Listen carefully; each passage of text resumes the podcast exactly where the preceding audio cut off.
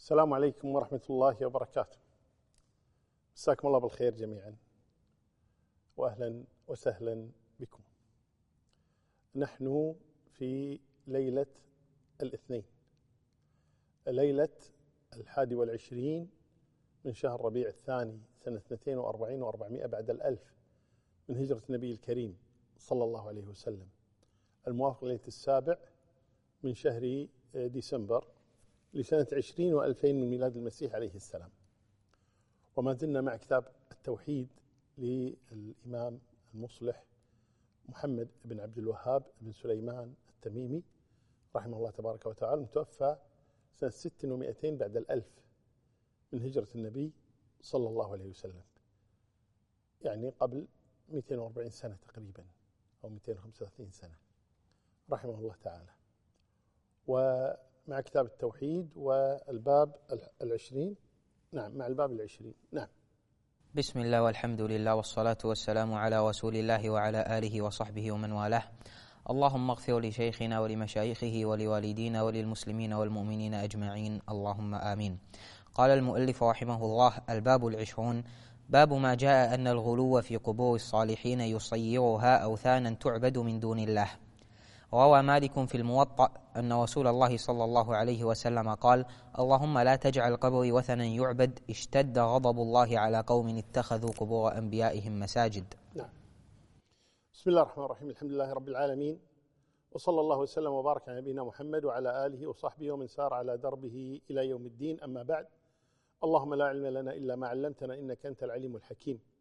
اللهم يا معلم إبراهيم علمنا ويا مفهم سليمان فهمنا. اللهم آمين. قال الإمام محمد بن عبد الوهاب رحمه الله تعالى باب ما جاء أن الغلو في قبور الصالحين يصيرها أوثانا تعبد من دون الله. الغلو إذن هو وسيلة وسيلة إلى أن تكون أوثانا تعبد من دون الله تبارك وتعالى إذن هو وسيلة إلى الشرك الأكبر. الغلو وسيلة إلى الشرك الأكبر. وصور الغلو كثيرة جدا والناس يتفاوتون في ذلك في هذا الغلو. فمن الناس من يصلي عند القبور من الناس من يدعو عند القبور ويرى أنه أولى. من الناس من آه، يدعو أصحاب القبور من الناس من يعتكف عند القبر من الناس من يشد الرحال إلى القبور.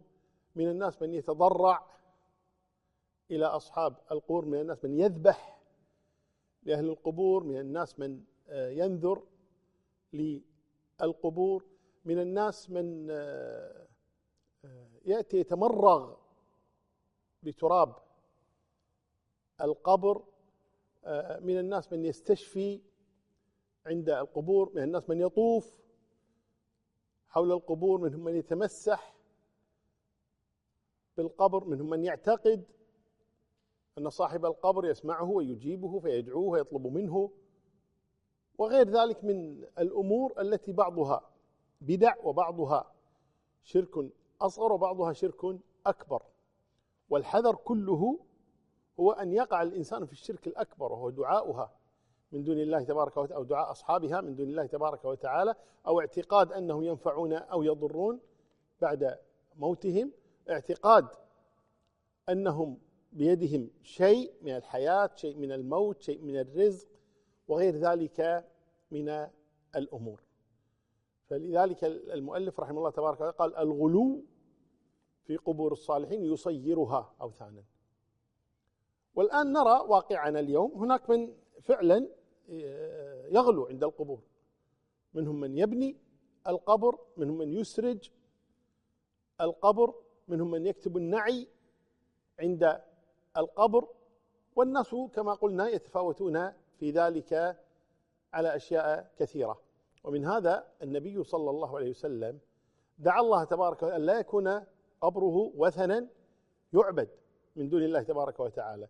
جاء في حديث أبي هريرة رضي الله عنه اللهم لا تجعل قبر لا تجعل قبري وثنا. لا تجعل قبري وثنا. لعن الله قوما اتخذوا قبور أنبيائهم وصالحيهم مساجد. وهذا عند أحمد بسند جيد. وفي الصحيحين قد مر بنا حديث أم حبيبة وأم سلمة الذي روته عائشة عن النبي صلى الله عليه وسلم لما رأينا كنيسة في الحبشة فقال النبي صلى الله عليه وسلم أولئك شرار القوم أولئك إذا مات فيهم الرجل الصالح بنوا على قبره مسجدا. فالشاهد من هذا أنه ينبغي أن نتعامل مع القبور على أنها قبور. ولا يفرق بين قبر وقبر. لا يفرق بين قبر صالح وقبر طالح. فيزين هذا ولا يزين هذا يرفع هذا ولا يرفع هذا. لا تساوى القبور تتساوى. ولذا جاء في حديث علي رضي الله عنه وقال لأبي الهياج الأسدي ألا أبعثك؟ على ما بعثني؟ رسول الله صلى الله عليه وسلم. فقال أبو الهياج الأسدي لعلي رضي الله عنه بلى. فقال علي رضي الله عنه بعثني رسول الله صلى الله عليه وسلم وقال لا تجع لا تدع تمثالا إلا طمسته ولا قبرا مشرفا إلا سويته. مشرفا أي مرتفعا. فالأصل في القبر أن لا يرفع على الأرض وإنما يعاد ترابه إليه. لا بأس يسنم القبر آه، لا بأس أن يوضع فوقه الحصى حتى لا يعني يطير التراب مع الهواء وكذا فبعد ذلك الناس لا تعرف القبور فتدوس عليها فتكون هذه لحمايتها من آه، يعني أن يمشي عليها الناس وغير ذلك هذا لا بأس به. واختلف أهل العلم في الكتابة على القبر هل تجوز أو لا تجوز مع اتفاقهم أن الكتابة لا تجوز إذا كان فيها النعي وغير ذلك. أما إذا كانت الكتابة فقط الاسم وتاريخ الوفاة فهذه ما اختلف فيها أهل العلم منهم من نهى عن ذلك ومنهم من أباح ذلك. والأمر في هذا يعني واسع وهي مسألة اجتهادية فقهية بين أهل العلم والأظهر والعلم عند الله أن تجوز كتابة الاسم مع تاريخ الوفاة. قال روى مالك في الموطأ أن رسول الله صلى الله عليه وسلم قال الموطأ معروف كتاب الإمام مالك رحمه الله تعالى وهو من أصح الكتب ولعله يأتي بعد البخاري ومسلم مباشرة. هذا الكتاب العظيم كتاب الموطأ الإمام مالك رحمه الله تعالى وهو متقدم جدا شيخ شيوخ البخاري هو. ولكن آه، كتاب الموطأ الإمام مالك جمع فيه الصحيح ووضع فيه أيضا مراسيل ووضع فيه بلاغات وفيه أيضا شروحات للإمام مالك رحمه الله تبارك وتعالى لبعض المسائل وإبداء رأيه فيها. هذا الأثر الذي ذكره أو الحديث الذي ذكره الإمام مالك في الموطأ هو مرسل من رواية عطاء بن يسار عن النبي صلى الله عليه وسلم فهو وعطاء تابعي لم يدرك النبي صلى الله عليه وسلم فهذا من نوع الضعيف هذا النوع الضعيف لكن يشهد له حديث أبي هريرة اللهم لا تجعل القبر قبري وثنا. وهو يشبه هذا الحديث تماما. هو حديث أبي هريرة وهو إسناد جيد أخرجه أحمد وغيره. والله أعلم. آه، ابن القيم رحمه الله تعالى ذكر بيتين أو ذكر أبيات كثيرة لكن منهما من هذه الأبيات بيتان. قال عندما دعا النبي صلى الله عليه وسلم لا يجعل قبره وثنا يعبد قال ابن القيم فأجاب رب العالمين دعاءه. وأحاطه بثلاثة الجدران حتى اغتدت أرجاؤه بدعائه في عزة وحماية وصيان يعني لا يمكن أحد أن يأتي إلى قبر النبي مباشرة. في هذه الجدر التي وضعها السلف رحمه الله تبارك وتعالى بحيث لا يمكن الوصول إلى قبر النبي صلى الله عليه وآله وسلم. فهو محمي بهذه الجدر لا يستطيع أحد أن يلمس القبر أو يتمسح بالقبر أو يتمرغ عند القبر. كل هذا لا يمكن الوصول إليه. وهذا من رحمة الله تبارك وتعالى. نعم. قال المؤلف رحمه الله ولابن جرير بسنده عن سفيان عن منصور عن مجاهد أفرأيتم اللات والعزى؟ قال كان يلت لهم السويق فمات فعكفوا على قبره. وكذا قال أبو الجوزاء عن ابن عباس رضي الله عنهما كان يلت السويق للحاج. نعم. آه هذا أخرجه ابن جرير في تفسيره. عن سفيان عن منصور عن مجاهد أفرأيتم اللات والعزى؟ قال كان يلت لهم السويق. اللات صنم من أصنام الجاهلية. أفرأيتم اللات والعزى ومناة الثالثة الأخرى؟ وهذا وهذا اللات الصنم كانت تعبده قريش وهذيل وهو كان في الطائف وهو عبارة عن صخرة بيضاء. كانت تعبد تشير إلى رجل آه، كان يلت السويق أي آه، يدق السويق اللي هو الشعير يدق الشعير أو القمح ثم آه، يطحنه ثم بعد ذلك يضيف إليه التمر والسمن وبعض الماء ويطعمه الحجاج. فكانوا يعجبون بفعله ويذكرونه بخير ثم وضعوا صخرة تشير وسموها اللات يعني اللات للسويق الذي يلت السويق الذي يصنع السويق للحجاج فسموها اللات. وصارت بعد ذلك يعني في البداية مجرد صخرة تذكرهم بهذا الرجل الصالح. ثم بعد ذلك عبدت من دون الله تبارك وصاروا يحلفون بها. فيقول واللات والعزى. والله تبارك وتعالى يقول أفرأيتم اللات والعزى ومناة الثالثة الأخرى؟ هذه أصنامكم. فهو إذن صار يعبد من دون الله تبارك وتعالى مع أن بداية الأمر كان غلو في هذا الرجل الصالح ثم صار الأمر بعد ذلك عبادة لغير الله تبارك وتعالى صار وثنا يعبد من دون الله جل وعلا. والآية فيها قراءتان وقد مرت بنا. أفرأيتم اللات بفتحة خفيفة؟ أفرأيتم اللات والعزى وفي القراءة الثانية أفرأيتم اللات والعزى اللات مشددة. فاللات آه، مخففة آه، بفتحة بدون شدة. قالوا هي أنثى الإله. الله أنثاه اللات. العزيز أنثاه العزى. المنان أنثاه مناه وهكذا. فأعوذ بالله كانوا يسمون الآلهة هذه بأسماء إناث كما قال الله تبارك وتعالى إن يدعون من دونه إلا إناثا وإن يدعون إلا شيطانا مريدا. لعنه الله. فعلى قراءة أفرأيتم اللات والعزى؟ فتكون اللات هنا اسم أي الإلهة. اللات الإلهة والعزى أيضا الإلهة يعني تعبد من دون الله تبارك وتعالى. أما على قراءة اللات بتشديد التاء بتشديد التاء. أفرأيتم اللات والعزى فهو الرجل الذي يلت السويق. أفرأيتم ذاك الرجل الذي يلت السويق الذي عبدتموه من دون الله تبارك وتعالى. على كل حال على القراءتين آه، عبد من دون الله. سواء قلنا اللات أنت الإله عندهم أو اللات الذي كان يلت السويق للناس. وهنا مسألة ذكرها نبه عليها شيخنا الشيخ محمد بن صالح العثيمين رحمه الله تبارك وتعالى رحمة واسعة آه، وأنار ضريحة. آه، ذكر رحمه الله تبارك وتعالى لنا آه، هذه المسألة لنا وهي أن السابقين يعني على كفرهم وكذا إلا إنهم كانوا يتسابقون على إكرام الحاج. فهذا اللات رجل كان يلت السويق للحجاج يعني كان يكرم الحجيج. واشتهر آه، جد النبي صلى الله عليه وسلم عمرو محمد بن عبد الله بن عبد المطلب بن عمرو. عمرو هذا لقب بهاشم. عمرو جد النبي صلى الله عليه وسلم لقب بهاشم لأنه كان يهشم اللحم والعظم ويقدمه للحجاج. من كثر ما يهشم طعام لهم ويقدمه لهم سمي هاشما.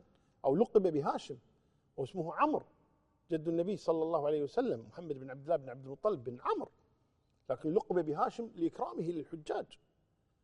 وعبد الله بن جدعان لما قالت عائشة للنبي صلى الله عليه وسلم قد علمت ما كان من عبد الله بن جدعان كان يكرم الحجيج. ومعروف أهل مكة كانوا يتسابقون على السقاية والرفادة في مكة إكرام الحجيج. وكان النبي صلى الله عليه وسلم يقول لما جاء يستسقي من زمزم قال لولا أن ينازعكم الناس ذلك لنزعت معكم. وقال انزعوا آه، بني عبد المطلب. كانوا يكرمون الحجاج بسقي الماء. فكانوا يتبارون ويتسابقون على خدمة الحجاج.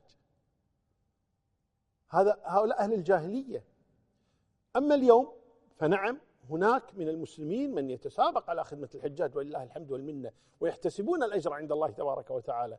يخدمون الحجاج بحملهم بمساعدتهم بإكرامهم ببذل المال لهم بتعليمهم أمور الحج بصناعة المعروف لهم وغير ذلك من الأمور كثير لله الحمد لله لكن أيضا وجد في زماننا هذا من يستغل الحجاج ويكذب عليهم ويغشهم ويسرق منهم ويبيعهم ماء زمزم وهو ليس ماء زمزم يأخذ من الحنفيات الخارجية ويعبيه ويقول هذا ماء زمزم. وهناك سراق يتخصصون وقت الحج يذهبون ليسرقوا أموال الناس. وهناك ناس يستغلون حاجة الحجاج. سبحان الله. أين هؤلاء؟ من أولئك الجاهليين الذين كانوا يتسابقون على خدمة الحجاج. فليتنبه الإنسان لنفسه خاصة نتكلم عن المسلمين.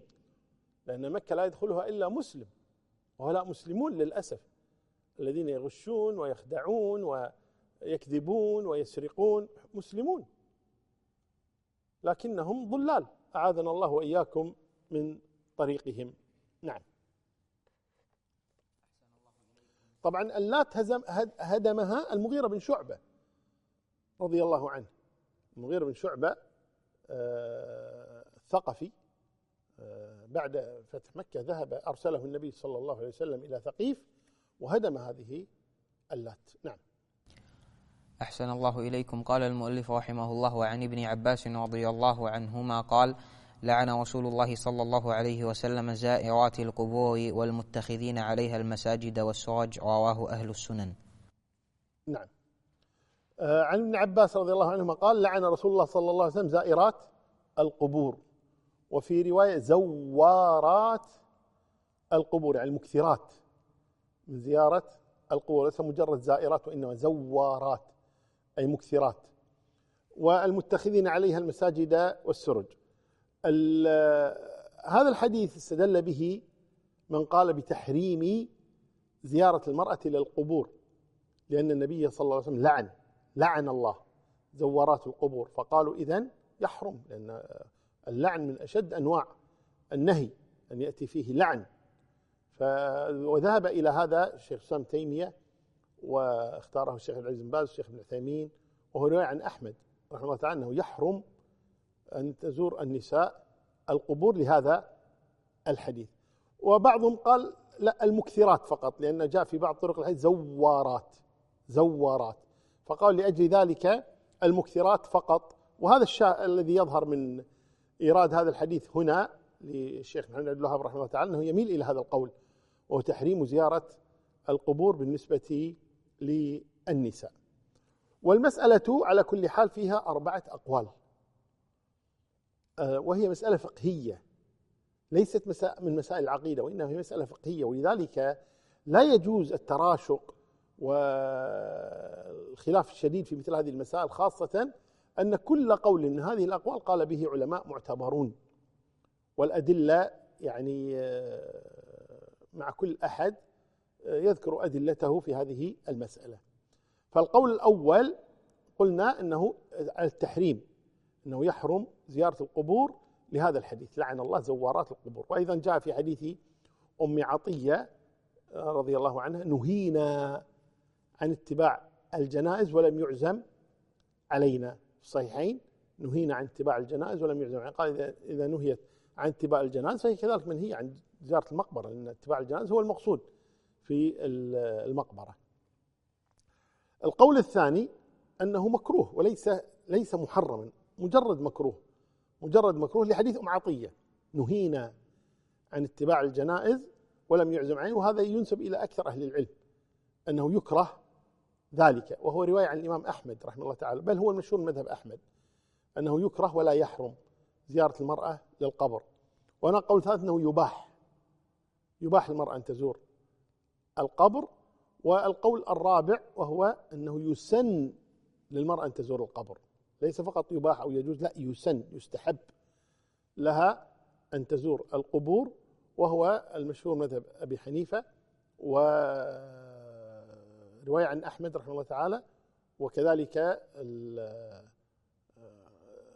رواية عن بعض الحنابلة عفوا وهو أيضا اختيار ابن حزم أنه يسن زيارة القبور. هذه المسألة كما قلت مسألة خلافية بين أهل العلم والنفس تميل إلى قول من يقول إنه يسن للمرأة أن تزور القبور كما يسن للرجل أن يزور القبور. يعني المرأة والرجل في هذا سواء. المرأة والرجل في هذا سواء أنه يجوز لها أن تزور القبور كما يجوز للرجل ويستحب لها كما يستحب للرجل.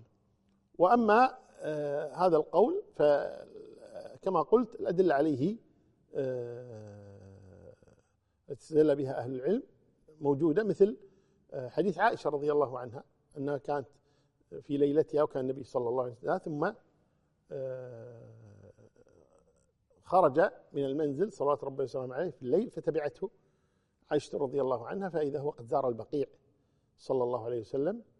فقالت له يا رسول الله فماذا أقول؟ يعني إذا جئت البقيع فماذا أقول إذا جئت البقيع؟ فقال النبي صلى الله عليه وسلم قولي السلام عليكم أهل الديار من المسلمين المؤمنين أنتم السابقون اللاحقون نسأل الله لنا ولكم العافية. وفي رواية رحم الله المستقدمين منكم والمستأخرين. وهذا الحديث صحيح مسلم فيه أن النبي صلى الله عليه وسلم علم عائشة ما تقول إذا ذهبت إلى القبور. وظاهر هذا الحديث أنه تزور القبور كما يزور الرجل. وكذلك أيضا حديث عائشة رضي الله عنها أنها زارت أخاها عبد الرحمن بعد موته.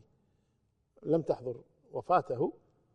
آه، لما جاءت بأنه مات أخوها عبد الرحمن فذهبت إليه في قبره وزارته. فقال لها ابن أبي مليكة ألم ينهى رسول الله صلى الله عليه وسلم ذلك؟ قالت نهى ثم أذن بذلك. ولذلك جاء في الحديث المشهور آه، في صحيح مسلم كنت قد نهيتكم عن زيارة القبور ألا فزوروها؟ وهذا كان عاما للرجال والنساء. فالنهي كان عاما للرجال والنساء كنت قد نهيتكم عن زيارة القبور ألا فزوروها؟ والأصل أيضا كما كان النهي عاما أيضا الإباحة تكون عامة. ألا فزوروها؟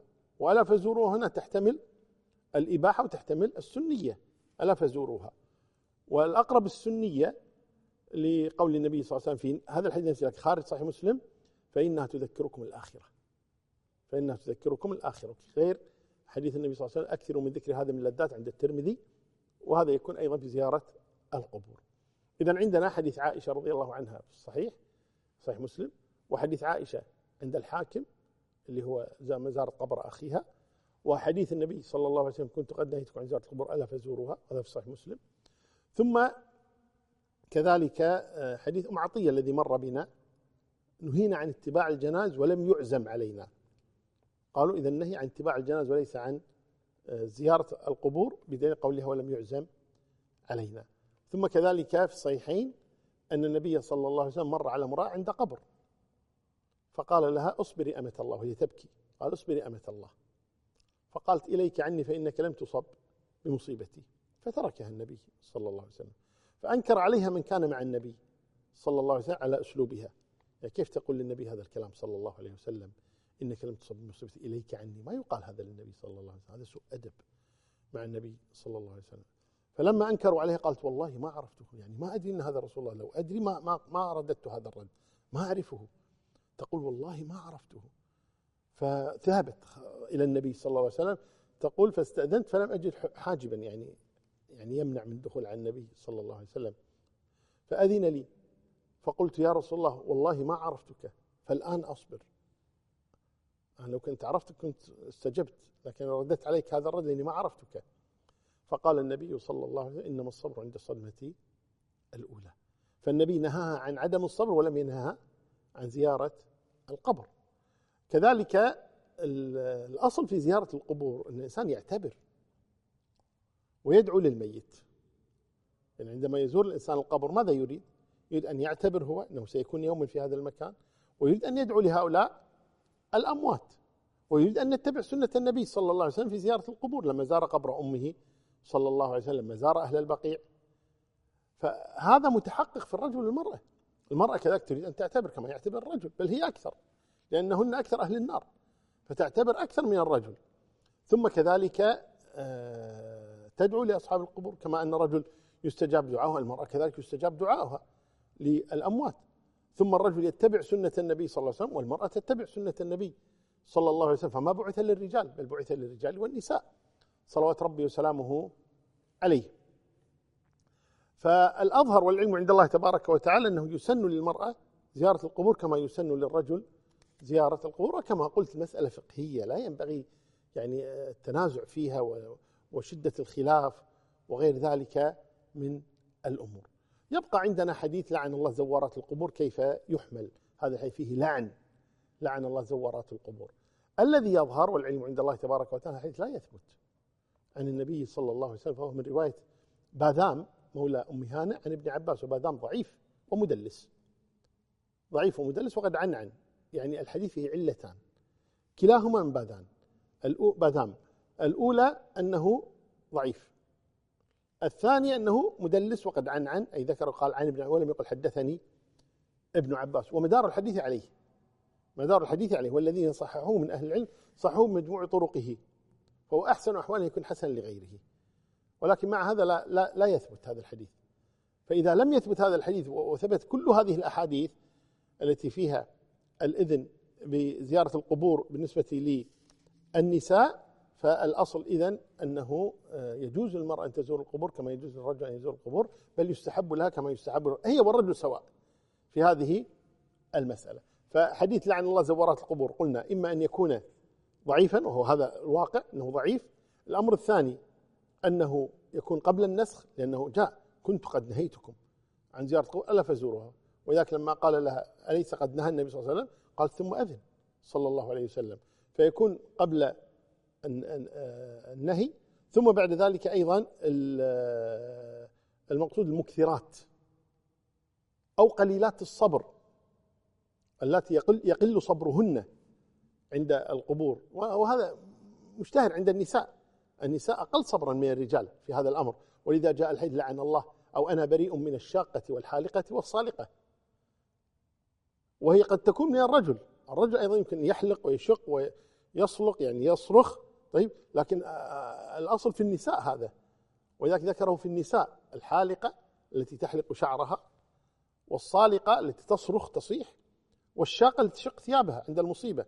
فالنساء أقل صبرا من الرجال. ولذلك ذكرهن النبي صلى الله عليه وسلم. وهنا نقول إذن آه، بتعليل من قال من أهل العلم أنه أن حولناه فقه بدل العقيدة لا بأس إن شاء الله تعالى.